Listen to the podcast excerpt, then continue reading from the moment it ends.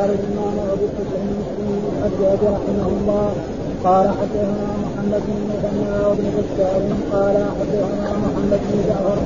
قال حدثنا شعبة. قال سمعت قتادة يحدث عن أنس بن مالك عن النبي صلى الله عليه وسلم.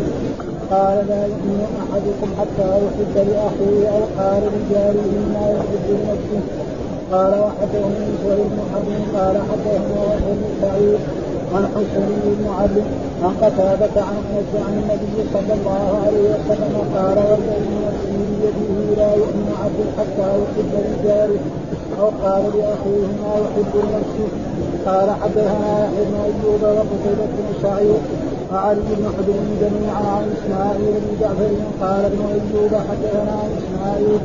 قال أخبرني العلاء عن أبيه عن أبي هريرة أن رسول الله صلى الله عليه وسلم قال لا يدخل الجنه من لا يؤمن جاره بوائقه قال حدثنا حرملة بن يحيى بن وهب قال أخبرني عن ابن شهاب عن أبي سلمة بن عبد الرحمن عن أبي هريرة عن رسول الله صلى الله عليه وسلم.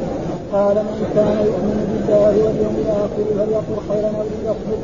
ومن كان يؤمن بالله واليوم الآخر فليكرم جاره. ومن كان يؤمن بالله واليوم الآخر فليكرم ضيفه قال حدثنا ابو بكر بن أبي شيبه حدثنا ابو الاحوص عن أبي حصن عن أبي صالح عن أبي هريرة قال قال رسول الله صلى الله عليه وسلم من كان يؤمن بالله واليوم الآخر فلا يؤمن جاره ومن كان يؤمن بالله واليوم الآخر فليكرم ضيفه ومن كان يؤمن بالله واليوم الآخر فليقل خيرا أو ليسكت قال وحدثنا إسحاق بن إبراهيم أخبرنا عيسى بن موسى عن أبي صالح عن أبي هريرة قال قال رسول الله صلى الله عليه وسلم بذكره حديث أبي حصين غير انه قال فليحسن إلى جاره. قال حدثنا زهير بن حرب ومحمد بن عبد الله بن نمير جميعا عن ابن عيينه قال ابن نمير حدثنا سفيان عن عبد أنه سمع نافع بن عبيد المخبر عن أبي سعيد الخزاعي إن النبي صلى الله عليه وسلم قال من كان يؤمن بالله واليوم الآخر فليحسن إلى جاره.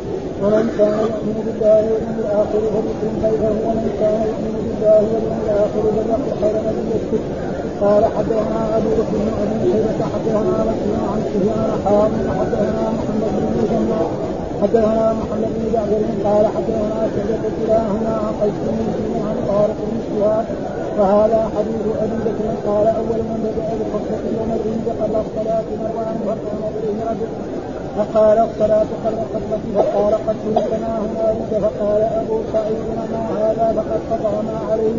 سمعت رسول الله صلى الله عليه وسلم يقول من رأى منكم منكرا فليغيره بيده فإن لم يستطع فإن لم يستطع فبلسانه فإن لم يستطع فبقلبه وذلك أضعف الإيمان قال حدثنا أبو قريب محمد بن العلاء قال حدثنا أبو معاوية حدثنا الأعمش عن إسماعيل بن رجاء عن أبيه عن أبي سعيد الخدري عن قيس بن مسلم عن طارق بن شهاب عن أبي سعيد الخدري في قصة مروان وحديث أبي سعيد عن النبي صلى الله عليه وسلم بمثل حديث شعبة وسفيان قال حدثني عمرو بن ناقد وعبيدة بن النضر وعبد بن حميد بن ظهور عبد قال وحدثنا يعقوب بن إبراهيم بن سعد قال حدثني أبي عن صالح بن كيسان عن الحارث عن جعفر بن عبد الله بن حكم عبد الرحمن بن مسعود عن أبي رافع عن عبد الله بن مسعود أن رسول الله صلى الله عليه وسلم قال ما من نبي بعده الله من امه قبله إلا له من امته حواريون حواريون واصحاب يأخذون بسنته ويقتدون بأمره. ثم إنها تخرج من بعدهم خلوف تخرج من بعدهم خلوف يقولون ما لا يفعلون ويفعلون ما لا يؤمرون. فمن جاهدهم بيده فهو مؤمن ومن جاهدهم بلسانه فهو مؤمن ومن جاهدهم بقلبه فهو مؤمن. وليس وراء ذلك من الايمان حجة حربة قال أبو رافع رافع حدثته عبد الله بن عمر علي فقدم ابن مسعود ولبث بالقناة فاستتبعني ابنه عبد الله بن عمر يعوده فانطلقت معه فلم جلسنا سالت ابن مسعود عن هذا الحديث فحدثني كما حدثت ابن عمر قال صالح وقد وقد تحدث بنحو ذلك عن ابي رافع وحدثني أبو بكر بن محمد وأخبرني ابن أبي مريم. قال قال حدثنا عبد العزيز بن محمد قال أخبرني خالد بن هبير خطيب عن جعفر بن عبد الله بن عن عبد الرحمن بن مسعود بن مخرمة عن أبي رافع إلى النبي صلى الله عليه وسلم عن عبد الله بن مسعود أن رسول الله صلى الله عليه وسلم قال ما كان من نبي إلا وقد كان له حواريون يهتدون بهديه ويستنون بسنته مثل حديث صالح ولم يكن قدوم بن مسعود وذكرها عبد عمر معه. أعوذ بالله من الشيطان الرجيم. بسم الله الرحمن الرحيم. الحمد لله رب العالمين. والصلاة والسلام على سيدنا ونبينا محمد وعلى آله وصحبه وسلم أجمعين. قال الإمام الحافظ أبو الحسين مسلم بن الحجاج القشيري النسابوري رحمه الله تعالى ترجمة الذي ترجمها الإمام النووي باب باب الدليل على أن من خصال الإيمان أخيه المسلم ما يحبه لنفسه من الخير. ها؟ وهذا تذكر الحديث بدون إيه؟ ترجمة. الدليل على أن من خصال الإيمان أن الإيمان له خصال كثيرة وتقدم لنا حديث أن الايمان بضع وسبعون شعبة. اعلاها قول لا إله إلا الله أدناها اماته الأذى عن الطريق والحياء شعبة من الإيمان. والحياء شعبه من الإيمان وكذلك من خصال أن يحب المسلم لأخيه المسلم ما يحبه لنفسه. نعم.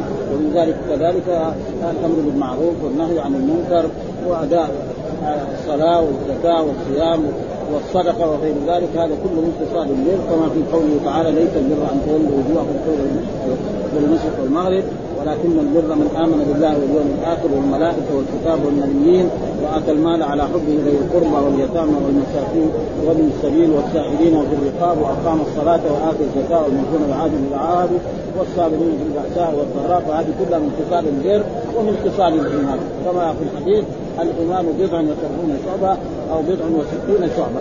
فالحديث هو مساده الامام حدثنا محمد بن المثنى وابن بشار قال حدثنا محمد بن جعفر قال حدثنا شعبة قال سمعت قتادة ها ومن تعاون يحدث عن أنس بن مالك قال من رسول الله صلى الله عليه وسلم قال لا يؤمن أحدكم والمراد نفي إيه؟ كمال الإيمان.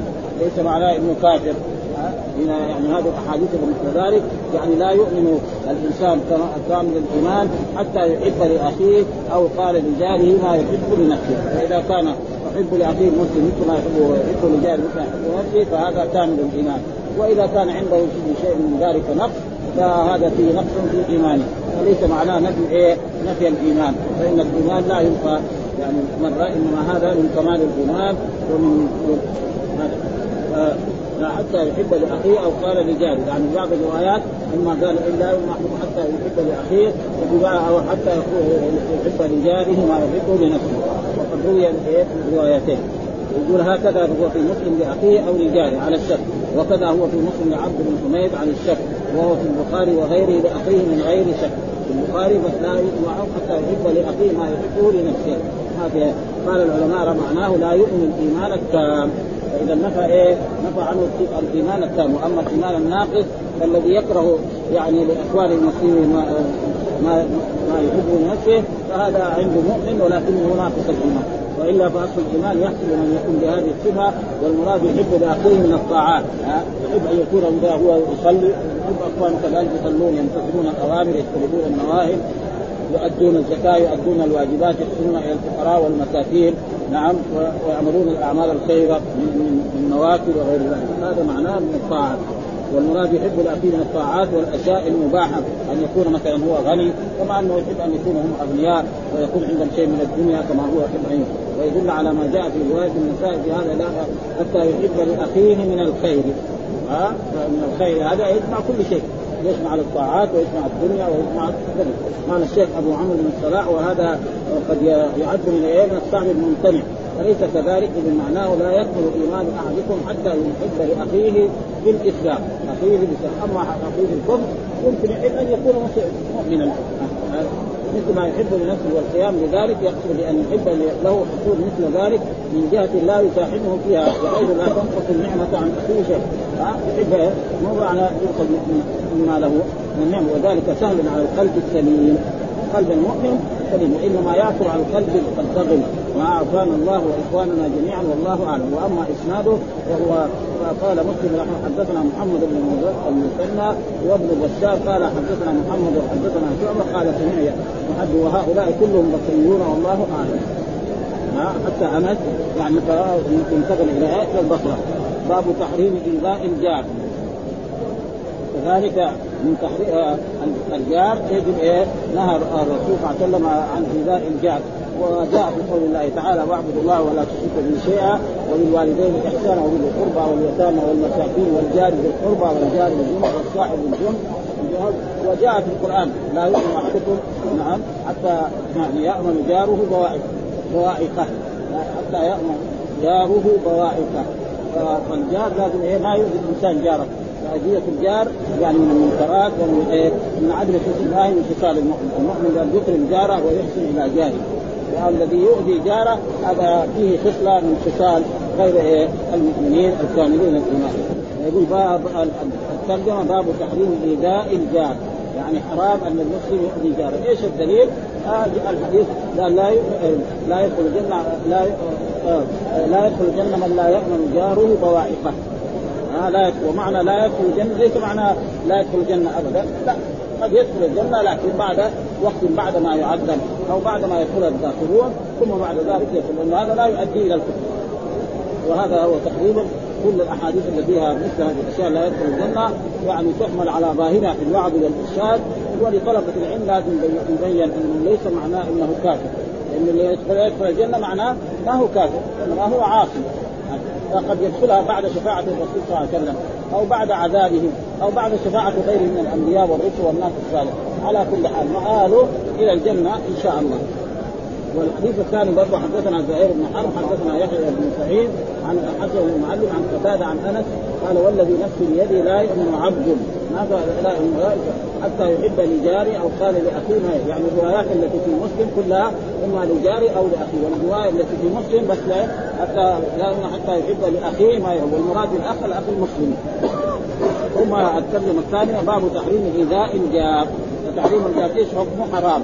لا يجوز. والإنسان الذي يؤذي جاره عاصي مرتكب كبيره من كبائر الذنوب وقد يعذبه الله على ذلك العمل الذي يعمل. ما الدليل على ذلك؟ قال حدثنا يحيى بن منوب وقتيبة بن سعيد وعلي بن حجر جميعا عن إسماعيل بن جعفر قال ابن أيوب الرواية الثانية قال ابن أيوب حدثنا إسماعيل قال أخبرني العلاء عن ابي عن أبي هريرة أن رسول الله صلى الله عليه وسلم قال لا يدخل الجنة من لا يأمن جاره بوائقه لا يدخل الجنة، الجنة المراد بها دار الكرامة التي أعدها الله لعباده وهذا المراد بالجنة دائما في إيه؟ عمق القرآن إلا في بعض المرات يجي بمعنى البستان. ها لا يأمن جاره بوائق يعني شروره وآثامه. رجل مثلا ولذلك جاء في الحديث عن رسول الله صلى الله عليه وسلم يعني أي الذنب أعظم؟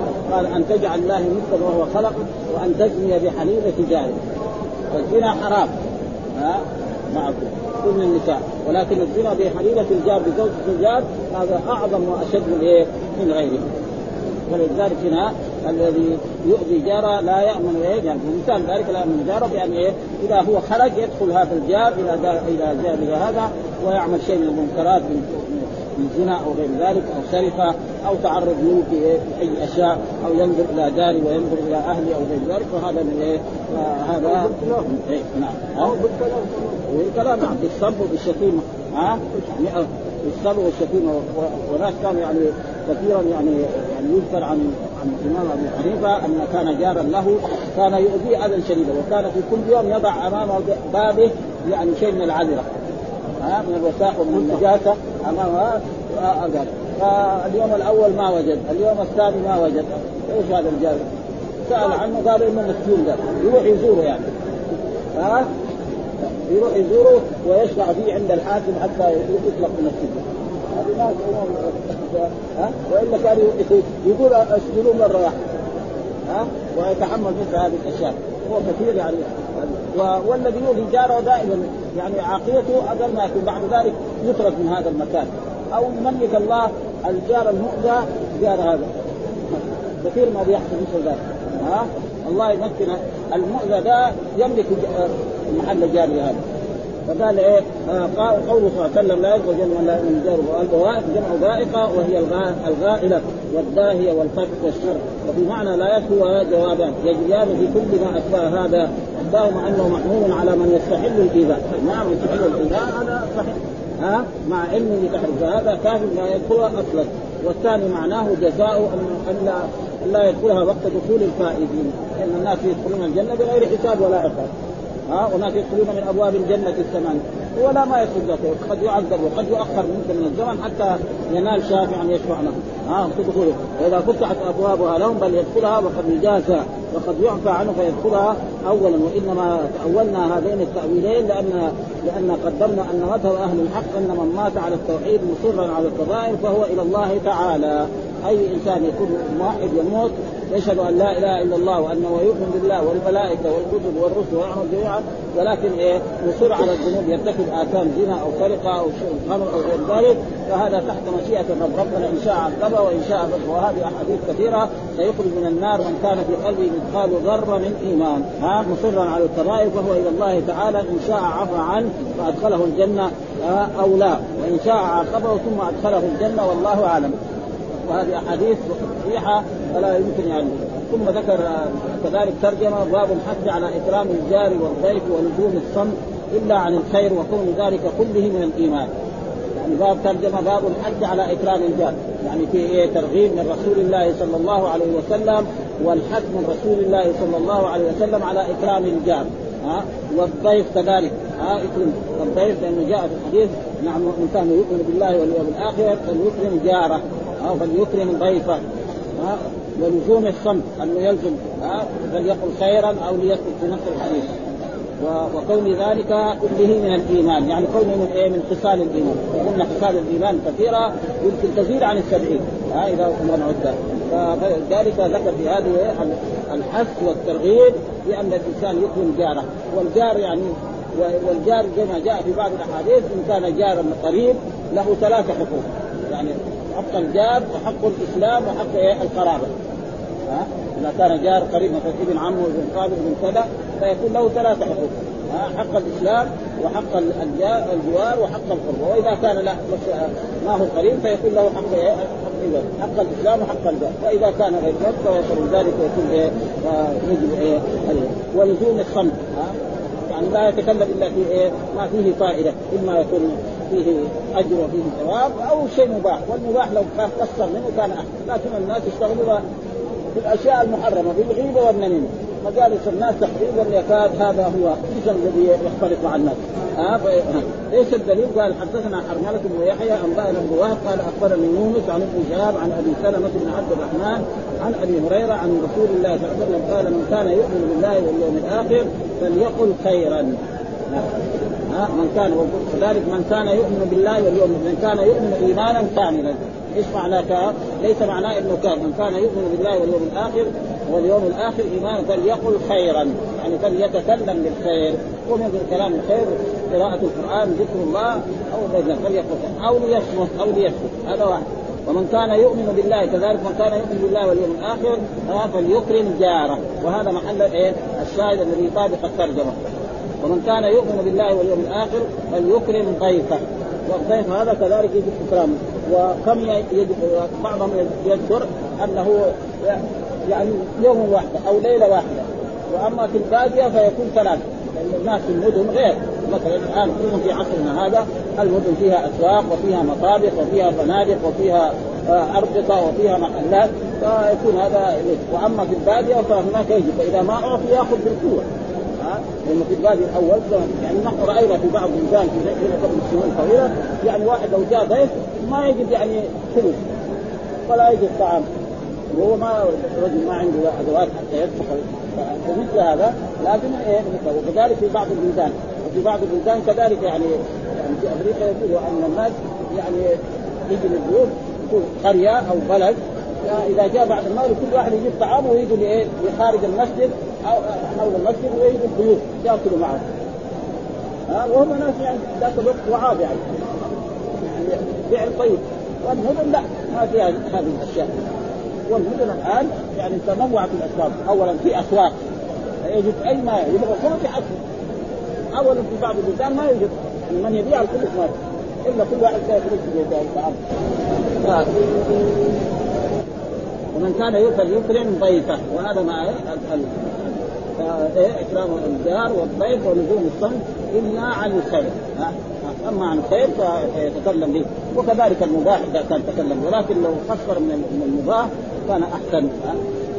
ها؟ ليه؟ لأنه إيه؟ يعني ما يلفظ من قول إلا لديه رقيب عتيد. ما يلفظ من قول إلا ها؟ وإن عليكم لحافظين كراما كاتبين فهذا يكتب يكتب الحسنات ويحسن يكتب السيئات. وبعضهم قال يكتب جميع ما يتكلم به الإنسان. يقول من كان يؤمن بالله واليوم الآخر فليقل خيرا أو ليصمت ومن كان يؤمن بالله واليوم الآخر فليكرم جارة ومن كان يؤمن بالله فليكرم ضيفه. وفي رواية أخرى فلا يؤذي جارة. فلا يؤذي جارة. في رواية فلا يؤذي جارة. فيصير لا نافية. ويؤذي هذا فعل مضارع مرفوع بالضمة المقدرة على الياء. وإذا كان بالنهي فلا يؤذي. أن الفعل المضارع المعتل بالياء أو بحروف العله لازم يكتب حرف حرف العله فلا يؤذي وروي بروايته فاذا قلنا فلا يؤذي يصير لا نافيه واذا كان فلا يؤذي لا ناهيه والنفي ابلغ من النهي يعني في اللغة العربيه دائما النهي ابلغ من إيه؟ من النهي ولذلك في مرات فلا قال أهل اللغة يصمت يصمت أو ويصمت بضم الميم يعني في المضارع صمتا وصموتا وصماتا أي سكت قال يقال أصمت بمعنى صمت يعني الرباعي. السكوت والتصميت أيضا قال القاضي هذا معنى الحديث أن من التزم شرائع الإسلام لزمه اكرام لزمه إكرام جاره وضيفه وبرهما وكل ذلك تعريف تعريف بحق الجار وحق على حفظه وقد أوصى الله تعالى بالإحسان إليه في كتابه العزيز في قوله تعالى واعبدوا الله ولا تشركوا به شيء والوالدين احسانا ذي القربى واليتامى والمساكين والجار ذي القربى والجار الجنب والصاحب الجنب. في هذه الآية. وقوله صلى الله عليه وسلم ما زال جبريل عليه السلام يوصيني بالجار حتى ظننت أنه سيؤذي والضيافة من آداب الإسلام وخلق النبيين. ويكفي أن إبراهيم عليه السلام لما جاءه ضيوف الملائكة راح دغري نعم ذبح لهم عجلا وقدم لهم يعني عجلا مشوي فقال لهم ها بدون إيه؟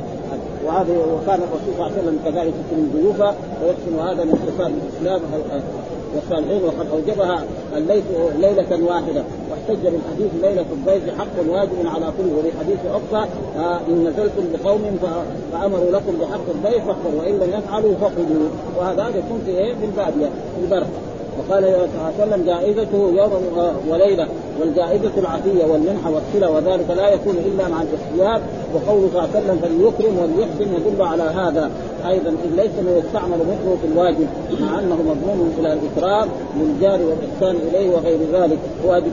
وتأول الأحاديث انها كانت في أول الإسلام إذ كانت المواساة واجبة واختلفوا آه واختلفوا هل الضيافة على الحاضر والبادي أم على البادي خاصة. فذهب الشافعي رضي الله تعالى عنه ومحمد بن الحسن إلى أنه إلى أنها عليهما يعني على الحاضر وقال مالك وصحيح إنما ذلك على أهل البوادي لأن المسافر يجب الحضر للمنازل الفنادق ومواضع النزول وما يشتري من المأكل والأسواق من الاسواق وقد جاء في حديث الضيافة على أهل الوبر جاء حديث على أهل وأهل الوبر معناه أهل الباديه الذين يسكنون في إيه؟ في الخيام وليست على أهل المدر يعني البناء ولكن هذا الحديث عند أهل المعرفة موضوع وقد تتخيل الضيافة على الثياب لمن احتاج محتاجا وخيف عليه وعلى أهل الذمة مشتركة عليه. وهذا كلام قال وقوله وسلم فليقل خيرا أو ليصمت ومعناه إذا أراد أن يتكلم فإن كان ما يتكلم به خيرا محققا يثاب عليه.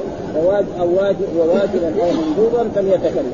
وإن لم يظهر له خير يثاب عليه فليمسك عن الكلام سواء ظهر لو أنه حرام أو مكروه أو مباح. مستوى الطرفين فعلى هذا يكون الكلام المباح مأمور بتركه مندوبا إلى الامساك عنه مخافه من انجراله إلى المحرم.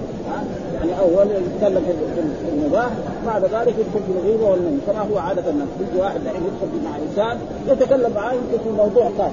ها كيف حالك كيف أولادك هذا شيء مباح مثلا. بعدين يقول فلان كذا طويل وفلان قصير وفلان كذا وكذا بعدين خرج إلى الغيبه والنمي هذا هذا شيء يعني يشاهد يعني نراه ولو قال ما فيه. ها؟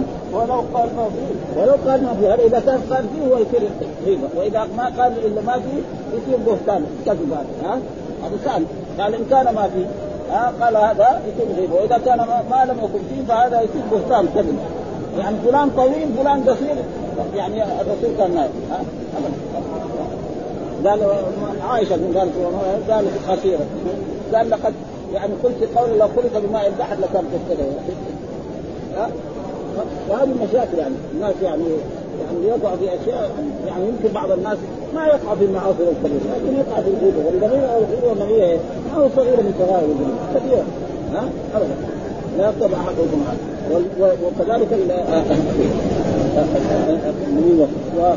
قال هل يكتب جميع ما ما يلزم من قول إلا لديه رقيب عتيد؟ واختلف السلف والعلماء في أنه هل يكتب جميع ما يلزم به العبد وإن كان مباحا لا ثواب فيه ولا عقاب لعموم الآية أم لا يكتب إلا ما فيه جزاء من ثواب أو عقاب؟ وإلى الثاني ذهب ابن عباس. يعني الثواب والباقي هو. وغير من العلماء على أن تكون هذه الآية مخصوصة أي ما يلزم من قول يترتب عليه جزاء. وقد ندب الشارع إلى الإنسان عن كثير من المباحات لئلا ينجر صاحبها إلى المحرمات أو المكروهات. وقد أخذ الإمام الشافعي رضي الله تعالى عنه معنى الحديث قال إذا أراد أن يتكلم فليفكر فإن ظهر له أنه لا ضرر عليه تكلم وإن ظهر له فيه ضرر أو شك فيه امسك قال الإمام الجليل أبو محمد عبد الله بن أبي زيد إمام المالكية بالمغرب أنه صاحب الرساله رسالة ابي زيد هذا بزمنه جماع آداب الخير يتفرع من أربعة أحاديث. قول النبي صلى الله عليه وسلم من كان يؤمن بالله واليوم الآخر فليقل خيرا أو يقول وسلم من حسن إسلام المرء تركه ما لا وقوله صلى الله عليه وسلم للذي اختصر له الوصية. ها لا تغضب يجي رجل يقول أوصي يقول له لا تغضب يقول له أوصي يقول له لا تغضب والغضب يؤدي إلى نتائج سيئة. وقوله صلى الله عليه وسلم لا يؤمن أحدكم حتى يحب لأخيه ما يحب ورويناه عن الأستاذ أبي القاسم القصير قال الصمت بسلامة وهو الأصل السكوت. في وقته صفة الرجال. أن النطق في موضعه من اشرف الصفات كذلك النطق في موضعه وسمعت أبا علي الدقاق يقول من سكت عن الحق فهو شيطان أخرج.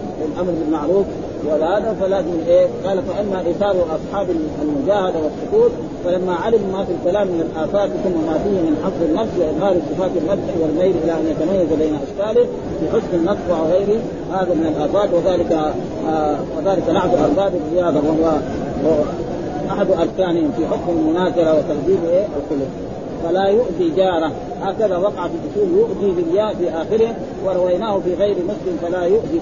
وهذا موجود في اللغة العربية. مرات يكون في آه, آه، يعني علامة الجر ومع ذا يعني علامة الجد ومع ذلك ما لا يجد مثلا يعني ألم يأتيك والانباء ثم ألم يأتيك؟ هذا الشاعر كان يقول إيه؟ ألم ياتك كذا لازم ألم ياتك والانباء وكذلك في زي كذلك اكون هجوت جبارا ثم جئت شجره هجوت ها؟ من هجي ثم جئت ففي يعني وهذا لم يؤذي كان لازم يؤذي بس.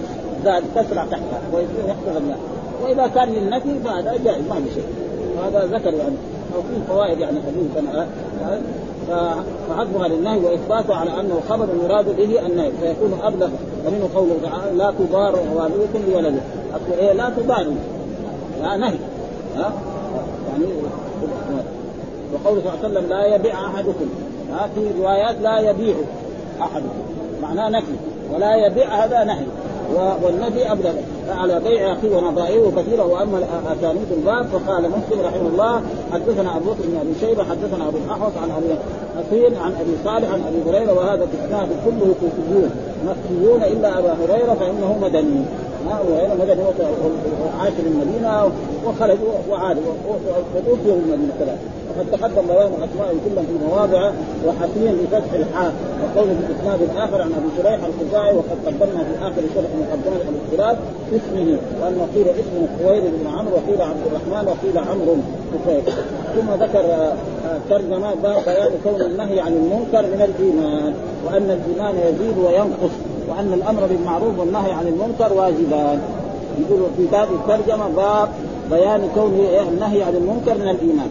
لأن الله وصف به عباده المؤمنين ها؟ في قول الله تعالى نعم كنتم خير أمة الناس تأمرون بالمعروف وتنهون عن المنكر. وجاء في هذا والمؤمنون والمؤمنات بعضهم أولياء بعض يأمرون بالمعروف وينهون عن المنكر.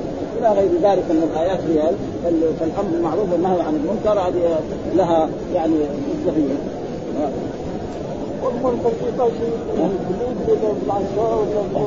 لا يختلف. لا يختلف. يعني الحكام في العصور. ها الناس طلبة العلم باللسان مثلا في البلاد الاسلاميه إذا أمر بالمعروف باللسان ما حد يقول بشيء. ها فإذا ما قدر مثلا كان في هذا يقول يقلد ها وجاء جاء في الحديث. يعني حديث عن رسول الله صلى الله عليه وسلم من رأى منكم منكرا فليغيره بيده. مين يقدر يغير بيده؟ الحاكم. ولا يستطيع فبلسانه. طالب العلم يقدر والمسلم يقدر ها بلسانه بس في إيه؟ بلغه بدون بدون ان لم يستطيع فبقلبه وذلك اضعف الايمان هذا ما يكون يقول بقلبه يشوف المنكر يتاثر اما الناس يروا المناكب ولا ولا يستطيعون اي شيء هذا هذا يعني مرض في الحديث هذا يقول الله اللهم هذا منكر لا تاخذني به ولا بس لا يقول يقول لا قال ما في يقول باب كون النهي عن المنكر والمنكر إيه؟ كل ما أنكره الشرع من الحرام إلى المكروه هذا كل ما أنكره الشرع يسمى منكر. والمعروف كل ما عرفه الشرع وأمر به سواء أمر وجوب أو أمر ند أو أمر استحباب. كله يسمى معروف. ها المعروف يعني شيء إيه؟ وأن الإيمان يزيد وينقص. ان الإيمان يزيد بالطاعات ليزدادوا إيمانا مع أما الذين آمنوا فزادتهم إيمانا وأما الذين في فزادتهم رزق إلى وهذا هو القول الصحيح بعض الفرق يقول لا أن الإيمان لا يزيد ولا ينقص. ها وهؤلاء غلطانون. ها فلما يصلي يزداد إيمان. لما يرتكب يعني يعمل أعمال طاعات يزداد إيمان. ولما يرتكب معاصي ينقص إيمان. وجاء في احاديث يعني أن الزاني لما يزني لا يزني الزاني حين يزني وهو مؤمن. إيش معنى؟ انه وقت الزنا يرتفع عنه الإيمان. ثم بعد ذلك يعود إليه شيء من الإيمان. ما يعود عليه زي ما كان أول. يصير ينقص وهكذا مرة في مرة ولذلك جاء برانا على قلوب كيف الإنسان أول ما يرتكب ذنب يكون نقطة إيه في قلبه. فإذا كمان مرة ثانية يصير نقطة ثانية بعدين ثالثة بعدين رابعة بعدين خامسة بعدين يصير الذنب خلاص ها؟ ويقول برانا على قلوبه فيصير بعد ذلك حتى بعضهم يرتكب فواحد يعني ربنا يكون ستره في ليله هو يجي للناس يقول في الصباح يقول أنا فعلت كذا وكذا. هو لا. ربنا ستر طول وهذا موجود يعني في هذا. ها؟ وأن الأمر بالمعروف والنهي عن المنكر واجبان. واجبان والوجوب هذا يختلف. ها؟ فمثلا السلطة الحكام الشرعيين والمحتسبه هذول كبير ما يضربوه. ها؟ يدخلوا السجن. وطلبة العلم يجزر بالامر بالمعروف. يعني دحين في بعض البلاد يعني رجل أيام الرسول يقول لك مثلا رجل اذا كان يحضر صلاة الصبح دائما يصير تحت المراقبة. بلاد تبقى اسلاميه هذا يصير تحت المراقبة. هذا إيه؟ لابد هذا من المتشمتين في الدين الإسلامي. حتى ما يقدر إيه دائما يروح صلاة الصبح ويصلي. بس هو يروح المسجد بعد صلاة الصبح يعني يروح يصلي. يعني المسألة فيه يعني يعني يضايق إيه؟ أو مثلا يكون مثلا ملتحي في بعض البلاد الإسلامية يضايق يعني. فايش يبغى؟ يبغى له يسمي إذا سمى ما يقدر يسوي إيش يتكلم مع عمرو ما يقدر يساوي عليه. ولا بد يعني المؤمن يبتلى أصحاب رسول الله قد إيه يعني يبغى يكون طيب صالح وإذا سب أو شتم أو سهل سهل ها ثم بعد ذلك ذكر الحديث الذي يثبت هذه هذه إيه؟ أن الأمر بالمعروف واجب. قال حدثنا أبو بكر بن أبي شيبة حدثنا وكيع عن سفيان ثم حول الاسلام وقال حدثنا محمد بن مسلم حدثنا محمد بن جعفر آه حدثنا شعبة كلاهما عن قيس بن مسلم عن طارق بن شهاب وهذا حديث أبي بكر. قال أول من بدا بالخطبة يوم العيد قبل الصلاة مروان. آه يعني كانت الخطبة في العيد في عيد الفطر وفي عيد الأضحى أول الصلاة ثم بعد ذلك الخطبه ها؟ في عهد رسول الله صلى الله عليه وسلم عشر سنوات في المدينة. وفي عهد أبي بكر كذلك. وفي عهد عمر كذلك. وفي عهد عثمان كذلك. وفي عهد يعني لما جاء معاوية أو ذلك هذا صار إيه؟ يقدم إيه؟ الخطبة. ليه؟ لأن الناس لا يسمع إن الخطبة هذه يسب فيها علي بن أبي طالب. الدولة الأموية من عاداتها أنهم يسبون إيه؟ علي بن أبي طالب ويترقصون ويترقصون ويقولون بعض ناس من أهل البيت. ولذلك كان الناس صلوا وراء كل بر وفاجر يأتي المسلمون ويصلون خلفهم العيد. وإذا صلوا العيد خرجوا. فما يجلس في الخطبة حقتهم إلا إيه؟ العسكر حقهم والجنود حقهم وخدمهم فالناس يخرجون. فمروان على كل حال معروف. كان طالب علم وكان هذا وكان في تركيا يعني لعثمان بن عفان. ثم بعد ذلك لما جاءت الدولة الأموية صار يعني من إيه؟ من أنصار ومن أعوان. حتى بعد ذلك أصبح خليفة كمان. صار هو خليفة وصار الخلفاء كل اللي من بعده من ذريته. من بعد ما تنازل معاوية الثاني معاوية الثاني كان رجل صالح شاف المساله قال له أنا ما أبغى بني اميه بده يروح عليهم الملك راحوا يجيبوا من هنا وهنا جابوا مروان وفعلوا فكان هو إيه؟ يقدم الخطبة لأن الخطبة ما تستحق. واستمر هذا العمل إلى أن جاء عمر بن عبد العزيز وأمر بإزالة سب علي بن أبي طالب وذكر فيها يعني إن الله يأمر بالعدل والإحسان وإيتاء ذي القربى وينهى عن الفحشاء والمنكر وذكر الله أكبر الله يعلم. ها فجزاه الله خير ومن ذلك الوقت. لأنه علي بن ابي طالب لا يستحق السب هم لما يسبوه يزيد الناس حبه لأنه ما يستحق. سبوا فرعون فسبوا فرعون معلش يسبوا علي بن ابي طالب هم غلطانين يعني. هم لو سكتوا كان أحسن لهم.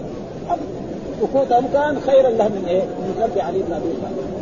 ابدا فلذلك هذا أنكر عليه ها رجل لما قدم الخطبه بعضهم يقول مسك يبغى يطلع المنبر قالوا لا أول الصلاة. قال لهم لا هذه الاشياء القديمه دي ما تصل لأن الناس ما يسمعون يعني يمكن ما يجلس أحد. وهذا هو إيه؟ والدليل هذا الحديث قال حدثنا ابو بكر بن ابي شيبة حدثنا وكيع عن سفيان. قال أول من بدأ بالخطبة يوم العيد قبل الصلاة مروان فقام إليه رجل ما ذكر اسم الرجل ها فقال الصلاة قبل فقال قد ترك ما هنالك ها يعني هذه كانت خطبة الأول.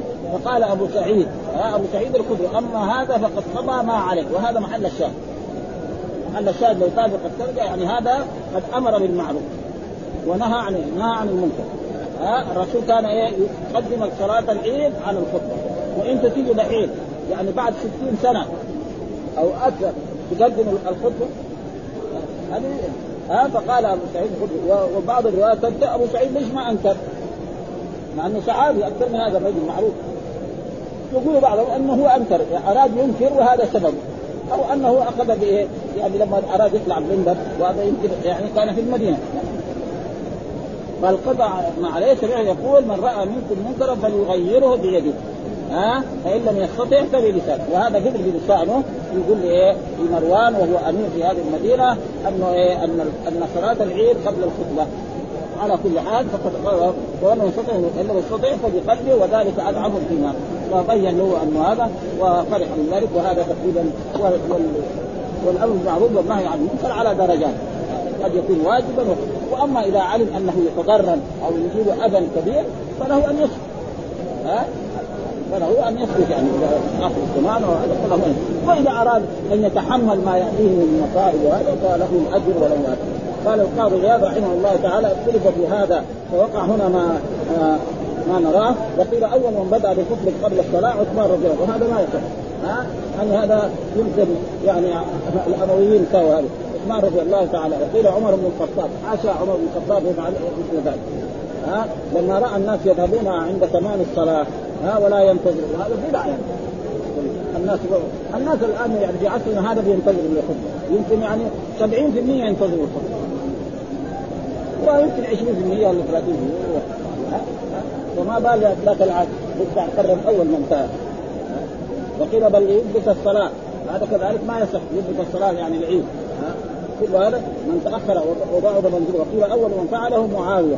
وقيل فعله ابن الزبير. وهذا كله تقريبا فعل ابن الزبير هذا كذلك لا يمكن.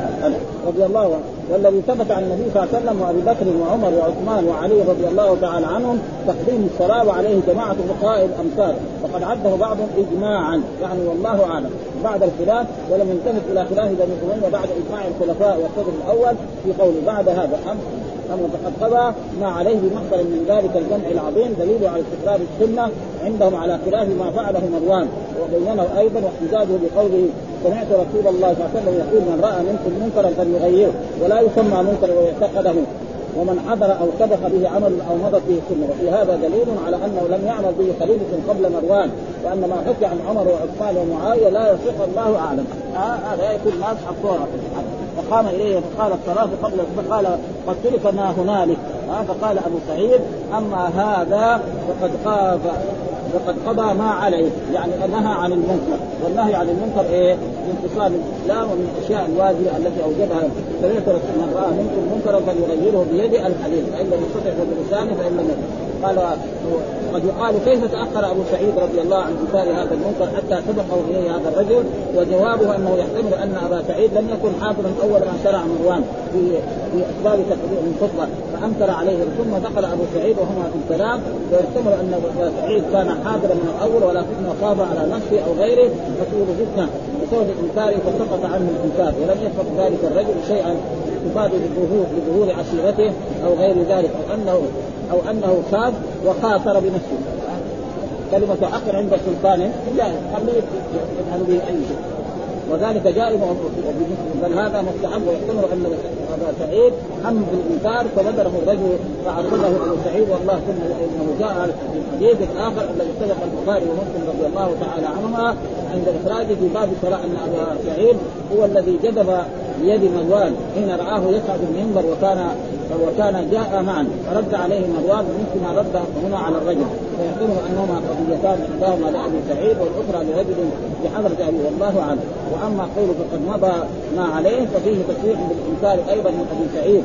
وأما قول صلى الله عليه وسلم فليغيره فهو أمر ايجاب لإجماع الأمة وقد وقد وقد تطابق على وجوب الأمر بالمعروف والنهي عن المنكر الكتاب والسنة وإجماع الأمة وهو أيضا من النصيحة التي هي من الدين.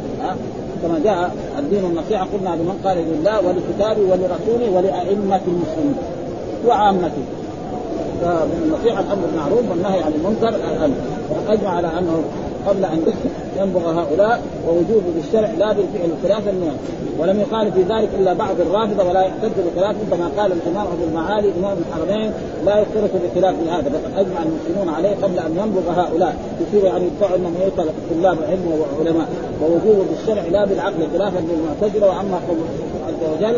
عليكم أنفسكم. فهذه قد خطب مرة أبو بكر الصديق رضي الله تعالى عنه وقال يا أيها الذين آمنوا عليكم أنفسكم لا يضركم من ضل إذا اهتديتم. هذه إنكم تقرؤون هذه الآية وتؤولون على غير كذب يعني يا يا من ضل يعني إذا أمرت بالمعروف. أول تأمر بالمعروف وتنهى عن المنكر. ثم بعد ذلك ليس عليك فإذا ما ذموا عليهم الذنب. واما اتركوا الناس يقول الناس فهذا غلط. فهذا بعد الأمر بالمعروف لا يضركم من ضل. إذا اهتديتم الله مرجعكم جميعا. ومعنى الآية التي إذا فعلتم فلا يضركم تقصير غيركم. مثل قول ولا تزر واجبة وإذا كان كذلك فمما كلف به الأمر بالمعروف والنهي عن إذا فعل ولم يمتثل المخاطب فلا عكس ذلك على الفاعل. بكون أدى ما عليه.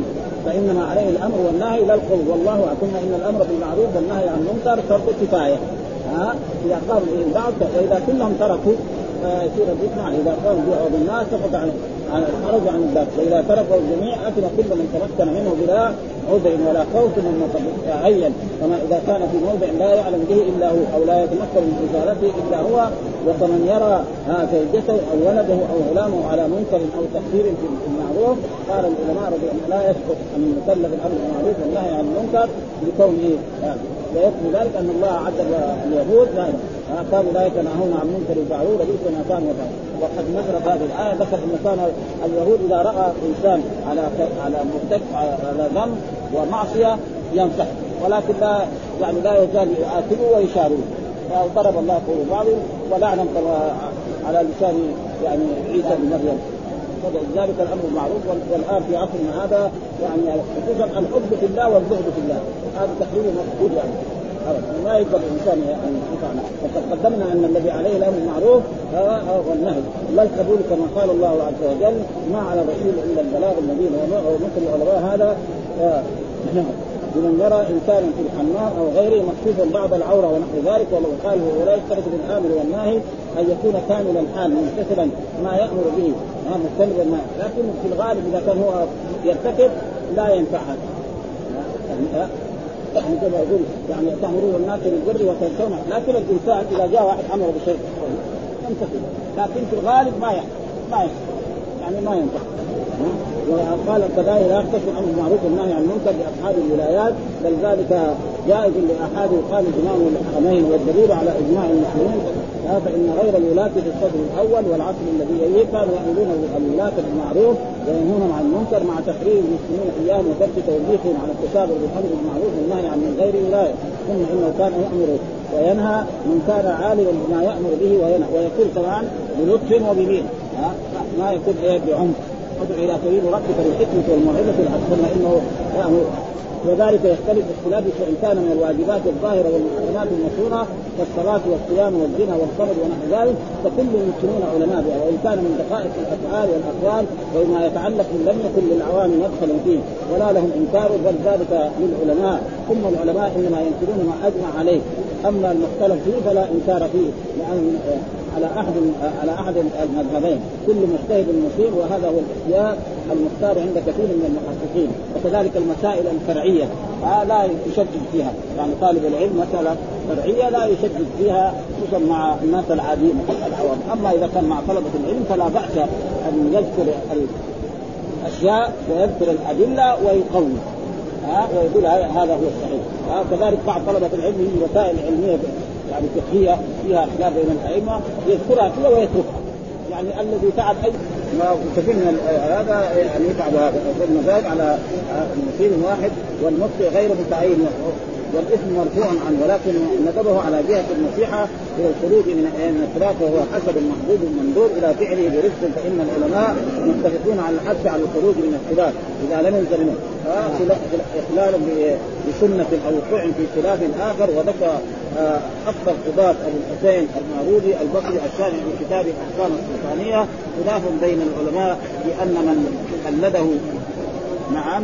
السلطان الحكمة هل له أن يحمل الناس على مذهبه في مختلف فيه الفقهاء إذا كان المختص من أهل الاجتهاد أم لا آه آه أم لا. يغير ما كان على مذهب غيره. وكذلك مثلا يعني مثال لذلك رجل يذهب إلى بلد مثلا كلهم متعصبين لمذهب من المذاهب.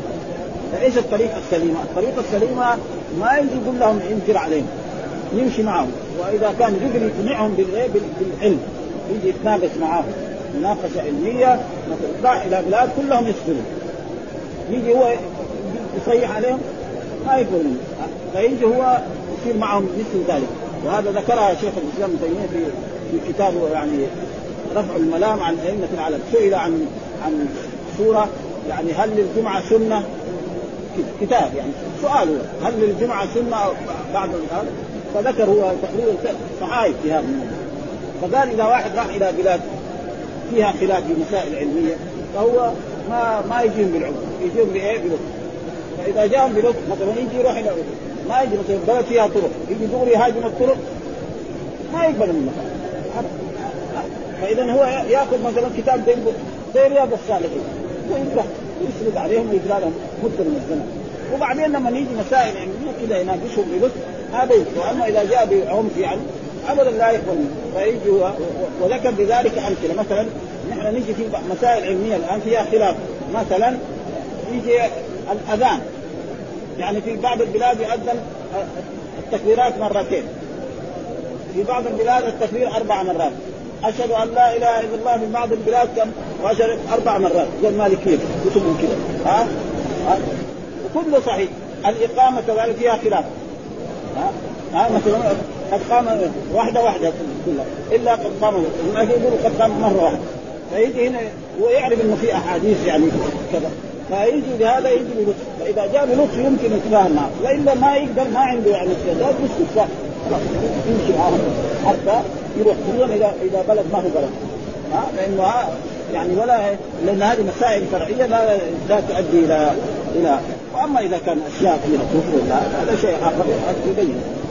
بعد يعني الحين بعضهم يقولون إنه مثلا ما ثبت أن رسول الله صلى الله عليه وسلم كان بعد الصلاة يعني يدعو.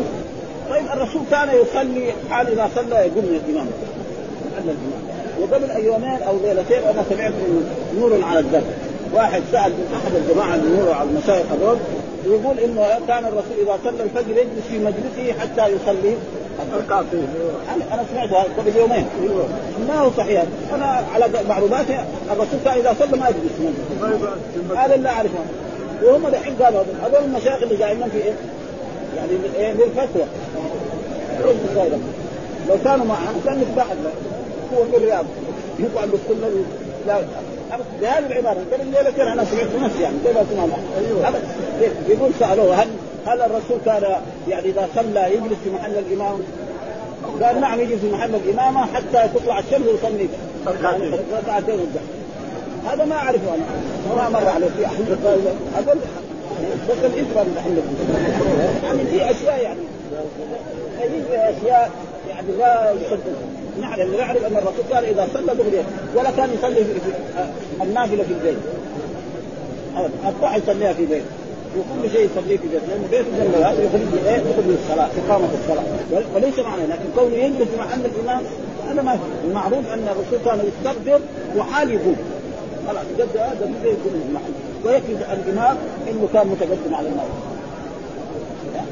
فإذا مثلا عنده بحث أو علمي أو سؤال أو هذا يمكن يعني وإلى غير ذلك.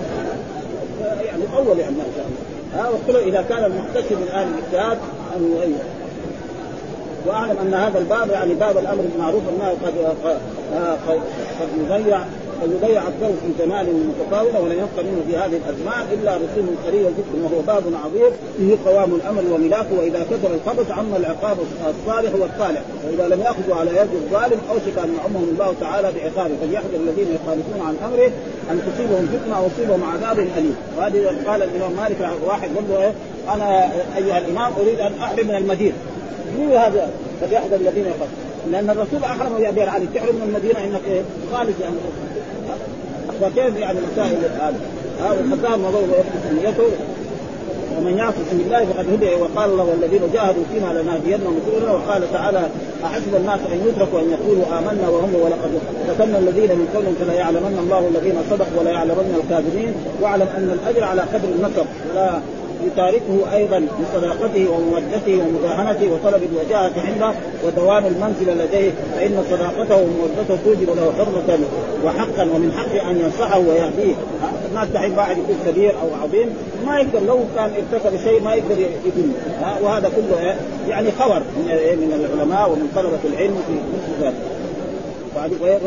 من يسعى في ذهاب أو نقص آخرته وإن حصل بسبب ذلك صورة نفع في دنياه وإنما كان إبليس عدوا لنا لهذه وكان وكانت الأنبياء صلوات الله وسلامه عليهم أجمعين أولياء للمؤمنين آه، لسعيهم في مصالح آخرتهم وهدايتهم إليها ونسأل الله الكريم أن يوفقنا وأحبابنا وسائر المسلمين لرضاته وأن يعمنا بجوده ورحمته.